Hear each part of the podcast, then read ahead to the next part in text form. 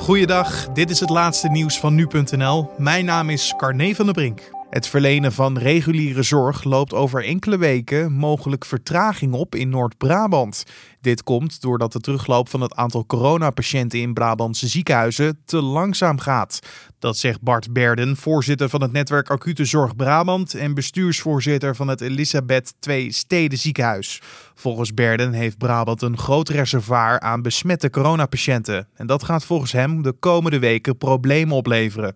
Het zou namelijk kunnen betekenen dat ze onvoldoende niet-COVID-patiënten kunnen helpen. Dat Noord-Brabant een van de provincies is waar de meeste coronabesmettingen plaatsvinden, laten de cijfers van het RIVM ook zien. In totaal werden donderdag bij de GGD's ruim 500 nieuwe besmettingen gemeld. Iets meer dan 100 daarvan waren afkomstig uit Brabant.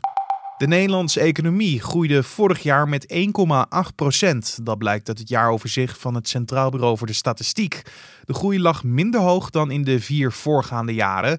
Maar de Nederlandse economie groeide wel harder dan die van omringende landen als Duitsland, België en het Verenigd Koninkrijk. De stijging van de Nederlandse economie komt omdat Nederlanders meer zijn gaan werken. Het totale aantal gewerkte uren lag namelijk 2% hoger dan in 2018. Wel nam de arbeidsproductiviteit met een daling van 0,2% ietsjes af.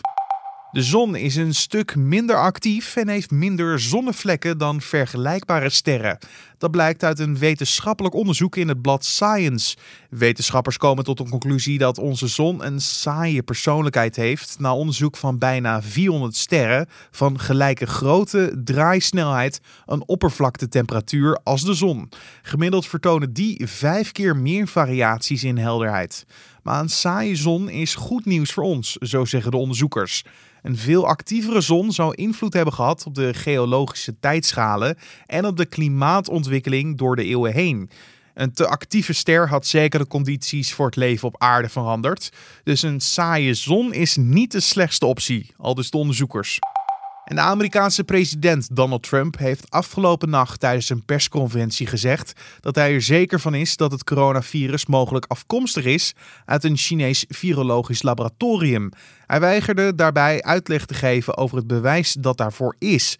Trump zou bewijs hebben gezien die hem een hoge mate van vertrouwen gaf dat het virus ontstaan is in een instituut voor virologie in Wuhan.